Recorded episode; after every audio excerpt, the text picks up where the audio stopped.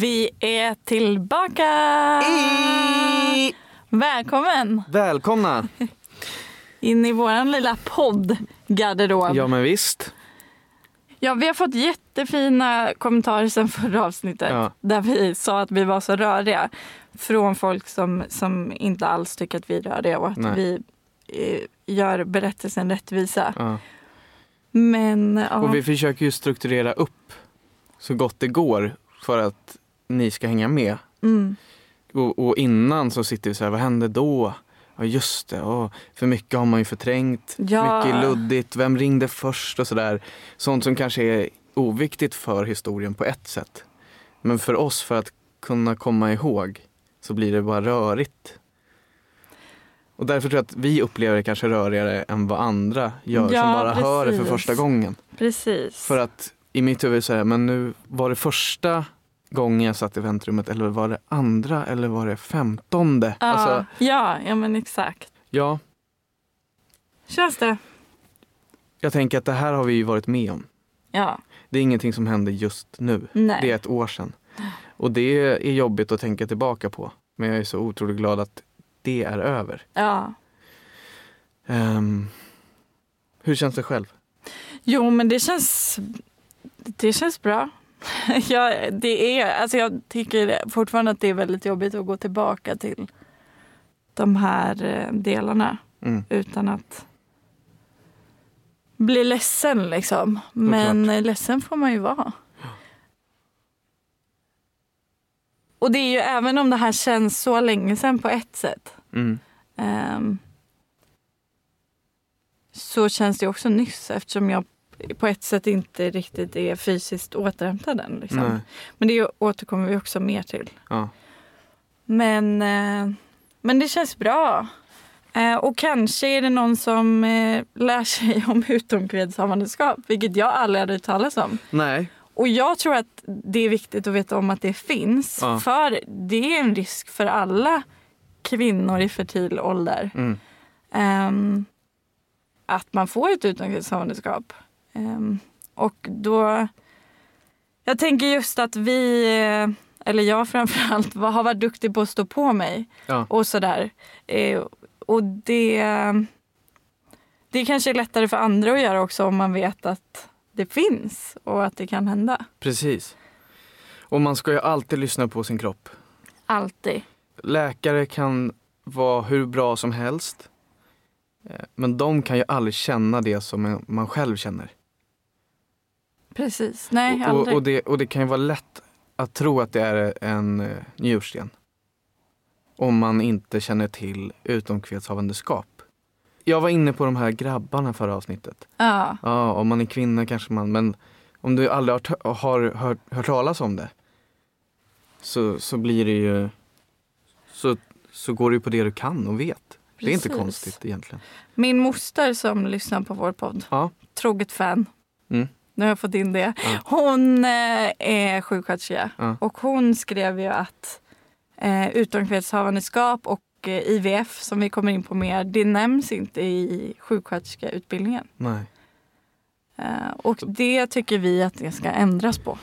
Ja, frågan är, är det för att det är så ovanligt? Jag vet inte, kanske. Men jag- känner ändå så här att det är en till två procent av eh, kvinnor som blir gravida Ja. som får ett utomkvedshavandeskap. Sen eh, slutar det på olika sätt. Det Mm. behöver inte gå så här illa som det gör Nej. i våran berättelse. Eh, men det tycker jag ändå är en till två procent. Och Ja. IVF är ju otroligt vanligt. Ja. Alltså mycket vanligare än man tror. ja. Eh, och det är många som behöver hjälp med att bli gravida så jag tycker att det ska pratas mer om. ja. Och det är väl därför vi också gör den här podden. Mm. För att eh, det ska inte vara...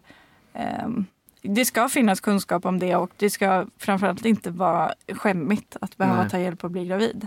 Nej, verkligen. Apropå IVF. Nu har vi det här Insta-kontot. Mm.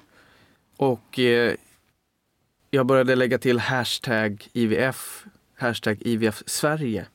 Och så tryckte jag på den IVF Sverige hashtaggen. Och då, då kom ju massa inlägg upp där folk har taggat det.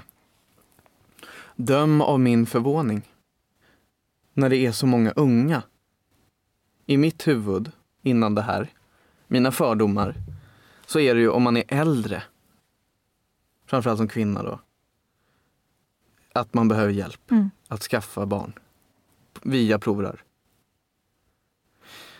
För det är ju det som IVF är. Precis. Har kallats tidigare i alla fall. Provrörsbefruktning. Befruktning. Ja. Men det är otroligt många i våran ålder och, och kanske lite äldre. Eller så är det bara att att jag har vuxit i kapp och nu ser de unga ut för att eller förstår du vad jag menar? Nej, nej, men vi För, är... för, när, för när man var yngre, är man 16-17, då är ju 40 gammalt. Mm. Det är lastgammalt. Mm. Nu är det 10 år bort. Det är inte så jävla gammalt Nej. längre. Förstår du vad jag menar? Nej, men det, du har Så rätt. frågan Alltså, är, är det mina ögon som har ändrats eller är det alltså min syn Nej. på saken eller är det Det är klart att det är säkert vanligare ibland, liksom, men det är också väldigt vanligt med eh, unga. Mm. Och eh, av olika anledningar? Det kan ju vara antingen för att det eh, är kall på tråden, mm, Hos kvinnan. en fnurra på snurrar tråden. på tråden på, eh, hos kvinnan eller mannen. Ja, Eller om man är ett homosexuellt par ja, eller en ensamstående kvinna. ja. Om man är en ensamstående man och vill ha barn, ja vad gör man då? eh, jag tror inte i nuläget att det är möjligt, men det måste Mm. jag kolla upp. Jag tror att man i så fall behöver eh, Surrogat? man behöver gå in i så här medföräldraskap med till Ja. exempel ett he- eh, homosexuellt eh, kvinnopar. Ja. Ja. Spännande. Kvinnor. Det är Det spännande. finns många anledningar till att man tar och gör IVF. Precis. Och eh, liksom, eh, vi är många som går utanför normen. Mm. Och eh, det vill vi bli så. Med det sagt, gå gärna in och följ oss på Instagram. Ja. En fnurra på träden. Ja. Eh, där vi delar med oss av bilder från vår resa. Ja. Och där man kan ställa frågor till oss. ja. Så svarar vi så gott vi kan.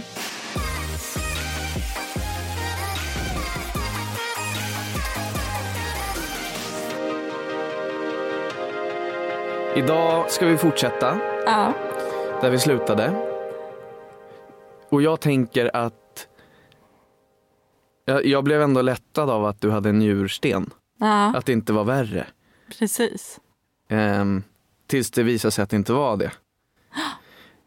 Så, ehm, och nu börjar en, en, en period som inte är rolig. Nej. Alltså för den, det vi pratade om i förra avsnittet var inte kul, men nu tycker jag att det, ja. det är läskigt på riktigt. typ. Vadå? ja, men jag säger mm. Ja men det gör jag Mm. också. Mm. Så är det bara. Hela tiden. Och jag vet inte om det är så trevligt att lyssna på. Man hör att du är med Ja, och du vill visa det. ja, Det är fint och snällt. ja. Me.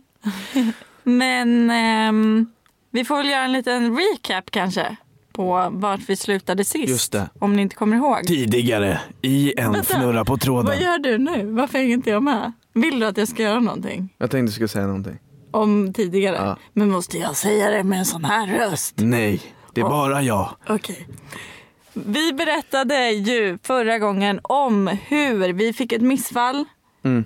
men eh, kände väl av att det var något mer än ett missfall. Någonting var fortfarande fel i alla fall. Du kände det framförallt. Jag framförallt. Mm. Vi åkte fram och tillbaka till akuten, fick en diagnos, njursten. Men efter mycket om och men upptäcktes det också att jag fortfarande hade graviditetshormon i kroppen. De eh, sätter en diagnos, också efter mycket om och men, som är utomkvedshavandeskap. Vi avslutade förra avsnittet med att vi satt eh, inne med en läkare som gav oss två alternativ Mm. cellgifter eller titthålsoperation. Ja. Och där sitter vi nu. Det är alltså fortfarande januari 2019 Mm. och vi sitter med de här två valen. Precis. Eller val är det ju inte egentligen. Det är inga val, men det är två alternativ. Ja.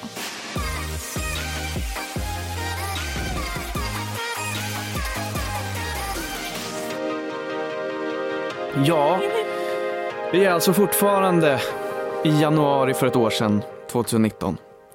Vi är inne på sjukhuset På gynavdelningen. och pratar med en läkare. Vi kommer börja med cellgifter, säger hon. Ja. För att eh, undvika en operation. Precis. Alltså cellgifter trodde jag bara att man använde mot cancer. Mm. Så jag börjar förstå hur, hur eh, pass illa det här är. Metotrexat använder man eh, mot reumatistiska sjukdomar Mm. och eh, cancer Mm. och Crohns Crohns. kan man göra. Ja. Och även nu i utomkvedshavandeskapsfall, Fall. fallet som vi är i. Precis. Det, det bästa är ju om kroppen själv kan få ut det här embryot som sitter fast i äggledaren. Mm. Ehm, och det låter bra, tycker vi. Ja, oj. Bra låter inte, men det är det bästa och det värsta. precis. Och jag har ju aldrig eh, vi, i, i det här läget opererat mig. Nej. Vilket jag tycker att operation låter jätteläskigt. Mm. Och tar ju hellre cellgifterna först. Mm. Bara för att typ slippas, slippa sövas. Och, Mm. Ehm, och det låter rimligt tycker vi. Mm. Och hon eh, går för att beställa cellgifterna. Precis. Och det kommer ta ett tag. Ja, Så hon säger att vi kan gå ner och käka lite lunch. ja. Så vi går ner. Du har ju fortfarande jätteont Ja. och har svårt att få i dig något. Mm. Du åt ingen middag va? Nej, Kvällen innan. nej. Eh, för att du har så ont och bara vill sova och bort smärtan. Ja. Vad är det vi äter där? Det kommer du ihåg? Du åt en räkmacka Ja. Och en chokladbit. Ja, Och jag försökte äta en ostfralla, just det. men det gick sådär. Ja, Jag kommer också ihåg att, och det här är ganska typiskt vårt förhållande ja.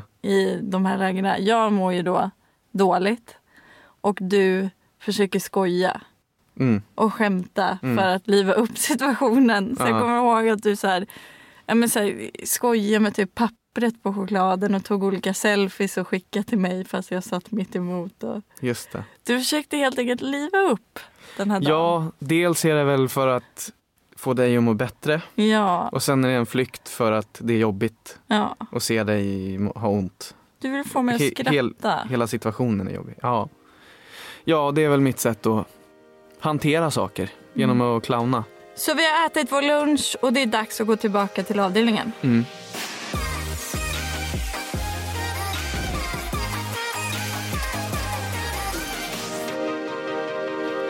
Vi är tillbaka på av- gynavdelningen eh, och vi... Smakar det bra? Nej, Nej.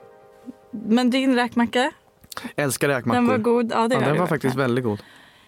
Skönt. Tack. Men eh, vi var ju liksom inlagda den här dagen kan Mm. man säga. Eh, så att vi hade ju vårt lilla rum där. Som vi gick till. Ja, precis. Där vi skulle få cellgifterna. Det, jag kommer ihåg att de varnar ganska mycket att så här, men det här kan göra ont. Man tar nämligen den här eh, cellgiftssprutan i ryggmärgen. Ja. Eh, så jag skulle ligga på någon brits på sidan Just det. och ha ansiktet mot dig och ryggen mot eh, hon som en sjuksköterska va? Ja. som eh, eh, sprutade in cellgifterna. Eh, och de skrämde upp mig lite innan. Jaha. Alltså, det var nog inte deras mening. De försökte nog lugna mig. Men det var så att det kan göra ont och det brukar göra ont. Och, eh, så att jag var ju på, jag var ju helt beredd. Men det gjorde det faktiskt inte. Och det är Nej. säkert jätteolika för olika.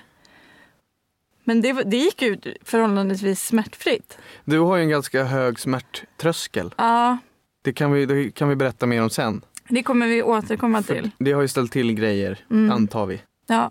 Så att, ehm, ja, du, eh, för dig var det väl, det var ingen match. Nej, det gick bra faktiskt. Ja. Så det kändes skönt. Eh, och vi fick det här och ja, det, det höll på i 20 minuter kanske. Eh, Sprutan in det i 20 minuter. ja, men jag tror det. Det Men jag kan ha glömt. fel. Det här måste vi kolla upp innan Ja. vi lägger ut. Men eh, jag kan ha fel. Ja, Men vi höll på och sen så ska man ju då stanna på avdelningen eh, ett tag för att man kan må lite illa och precis. Eh, de vill ha koll på en.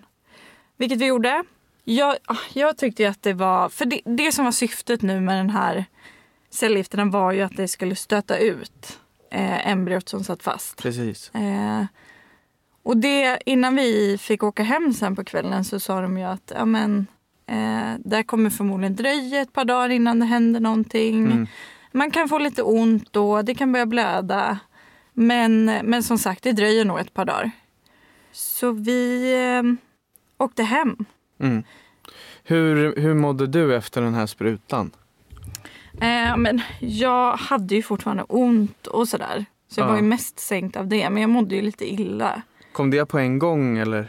Eh, när det, jag tror att det dröjde ett par timmar kanske. Ja. Det kom sen hemma. För jag gick ju direkt och la mig när vi kom hem. Ja.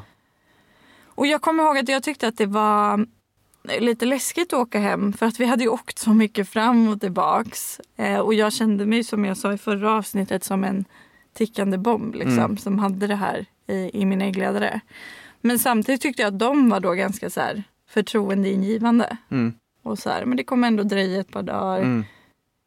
Det, det kändes ju skönt att nu vet vi vad det är och eh, du har fått den här, de här cellgifterna. Precis. Alltså man har en plan för att bli av med det här. Mm. Ja, det var skönt.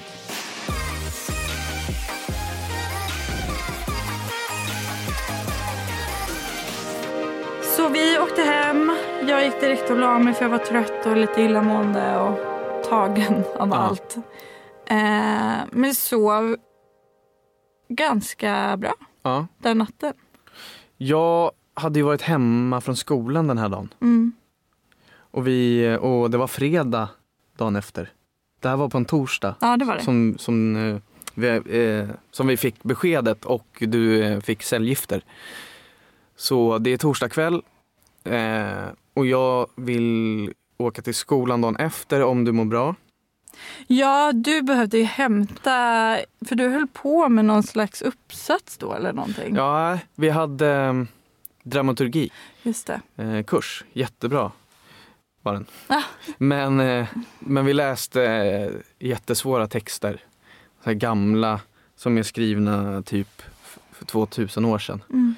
Eh, vad heter de? Oidipus av Sofokles tror jag. Så, så det var, och jag läser ganska långsamt. Och att läsa det här och inte heller förstå menadsuppbyggnaderna helt och slå på ord.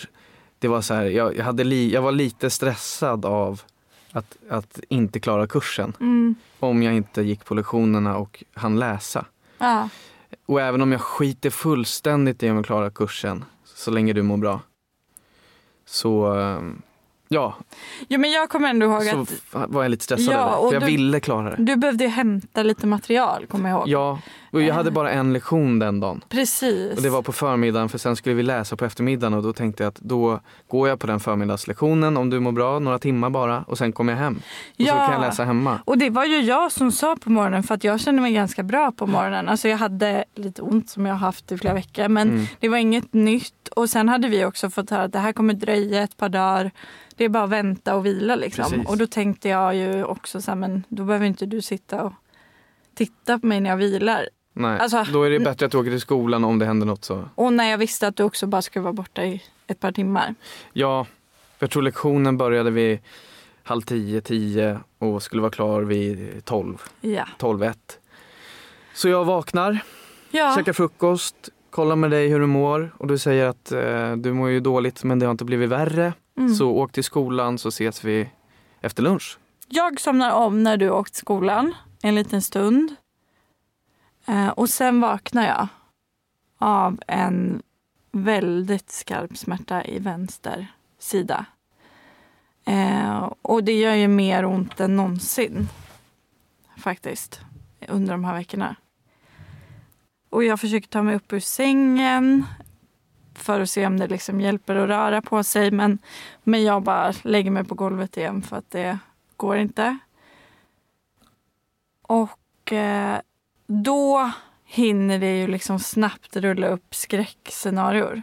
För vi har ju läst på om utomkvedshavandeskap ganska mycket såklart. Eh, och det som har fastnat är ju att man, eh, om äggledaren spricker eh, så är det livshotande och man kan förblöda. Eh, och jag hade också läst typ hur många minuter man hade på sig att ta sig till operation ifall det här hände. Eh, så här är jag ju verkligen eh, på riktigt rädd för mitt liv. Eh, och ringer 112 ehm, snabbt. Det här känns också som att det här gick så långsamt Mm. alltihop. Men Det, jag ringde ju direkt. Liksom. Ja. Eh, jag ringer 112 och liksom skriker att jag har ett utomkvedshavandeskap och jag tror att det har spruckit och att de måste komma. Och jag blöder också jättemycket samtidigt som det här händer. Men jag kommer inte riktigt ihåg nu för att hon var ju kvar i telefonen tills ambulanspersonalen kom. Ja. Men när ringde jag dig? ja, när ni la på. Eller?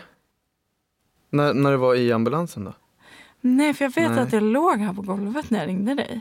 Ringde jag dig innan jag ringde 112? Ja, men kanske. Ja. Det kan jag nog ha gjort alltså. Ja,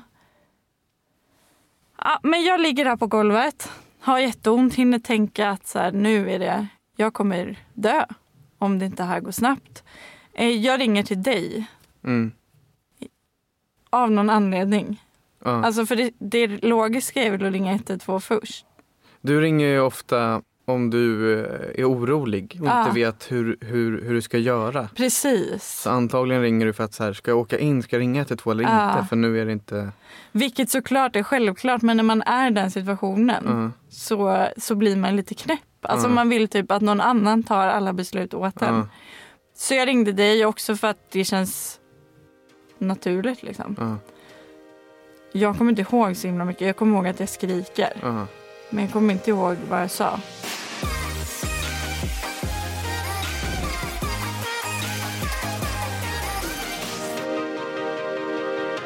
Ja, eh, alltså lektionen har ju knappt börjat. Det är tio minuter in i lektionen som, som min telefon ringer och jag ser att det är du och jag svarar. Och, och jag hör att du inte mår bra. Och du, om du nu har ringt innan så säger du väl att du ska åka in? Mm. Eller att du i alla fall tank, att du tänker att du behöver åka in och jag är så här, men ska du göra det? Ska jag åka dit eller inte? Mm. Men jag, jag kommer inte heller exakt ihåg, men jag för mig att det var lite så här, ska jag åka hem eller? Jo, jag visste inte om jag skulle åka hem eller om Nej, jag skulle åka det. till sjukhuset. Just Och du det. kunde inte svara på det. Nej, och sen ringde jag dig igen. Sen ja, skickade jag ett sms eller ringde i ambulansen. Just det. Ja, så att jag beställde en taxi. ja. och ehm, bara tar mina grejer och springer ut, säger ingenting. Eh, säger väl till läraren att, att det är akut, hon förstår. Det känns ju som en film också. Ja, det är det. Alltså, eh, ja, alltihop.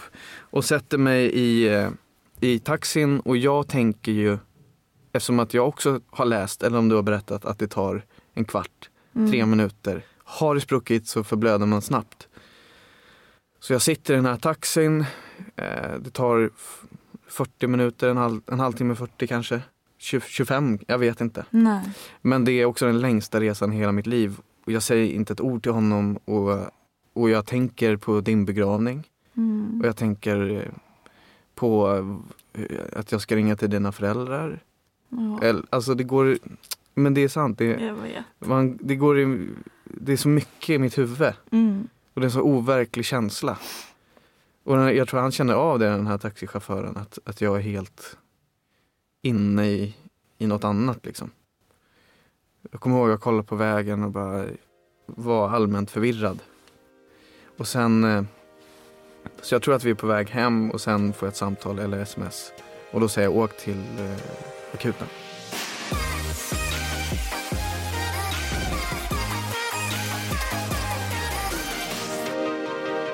Precis. Eh, för jag har ju då under tiden här efter att jag har ringt, ringt 112 eh, och eh, skriker efter en ambulans och, och försöker förklara att jag tror att det har spruckit. Jag har ett utomkvedshavandeskap. ehm, och eh, ehm, jag har ju svårt att röra mig. Mm. Och den här operatören på andra sidan frågar ju, heter det så? Mm. Frågar ju efter portkod. Ja, Och vi har ingen portkod. Eh, varpå jag får panik för Mm. att jag vet inte hur de ska komma in till mig. Eh, och den här operatören bör, försöker få tag i våra grannar. Ja. Alltså hon börjar ju googla efter namn och ringer runt, får inget svar. För hon Nej. tänker att det bästa är om de kan komma och möta ambulanspersonalen. Ja. Eh, men får inget svar och vi börjar fundera på om jag ska kasta ut nycklar genom Ja. fönstret. Eh, men det är ganska tjock snö. Så att då säger de så här, men då finns det en risk att vi inte hittar nycklarna. Ehm, och till slut så, så får jag bara kräla ut. Eh, vi bor en våning upp så att man ska genom en loftgång och sen en trappa ner. Mm. För då säger nu ambulanspersonalen här, jag kan vara kvar i telefonen men försök komma ut. Liksom. Och det här är, just, det är som en skräckfilmscen. Ja, alltså jag kryper genom den här loftgången ner för trappan. Det känns som det här tar flera timmar fast det gör det ju inte. Eh, samtidigt som jag blöder eh, och det kommer liksom blod i vår trappuppgång. Eh, men jag lyckas i alla fall ta mig ner till den här eh, ambulanspersonalen som står och väntar. Eh, och de hämtar ju en bår och lägger upp mig och in i ambulansen. Eh, och där... På något sätt får jag tag i dig igen för Mm. att de bara, vem ska vi ringa? Jag vet inte om de skriver ett sms åt mig eller vad Jag som kommer inte händer. heller ihåg. Kommer inte ihåg. Men på något sätt så um, inser de att jag behöver någon Ja. som kan komma. Men eh, ja, sen väntar en lång ambulansresa Ja. Där jag försöker förklara för den här personalen att det är ett utomkvedshavandeskap och att jag är rädd. Jag vet att jag har ett utomkveds och jag är rädd att det liksom Har spruckit. har spruckit. Eh, och det är så tydligt att de vet inte riktigt vad ett utomkvedshavandeskap är. Ja. eh, eller vart de ska åka. Eh, alltså vilken avdelning på sjukhuset. Mm. Om det är gynakuten eller vanliga akuten. Men där får jag ju också panik. Jag bara in bara liksom. Och i och med att de är så osäkra också på vad det är så får inte jag heller morfin. Eller något smärtstillande för de vill ha koll på mig liksom. Eh, så det var en hemsk ambulansfärd. Eh, och också att man blir så osäker när de ringer runt. Mm. Och bara, vi har en patient där som har ett utomkveds. Vart, vad gör vi? Mm. Och då, för man vill ju helst komma in i ambulansen och känna sig trygg. Och så här, ja men nu har vi några som har koll. Så nu är jag i trygga händer. Men det kändes det ju inte som. De var jättesnälla och gulliga. Det var inte så. Men de ringde runt och frågade vad ett utomkvedshavandeskap var. Inte exakt vad det var men så här, ja, hon, säger att hon har ett utomkveds. Vart åker vi då? Hur gör vi då? Så jag, jag fick ju liksom ingen hjälp i ambulansen. Det var ju bara Fick ingenting. ingen smärtstillande eller någonting. Bara, Bara skjuts liksom. Ja.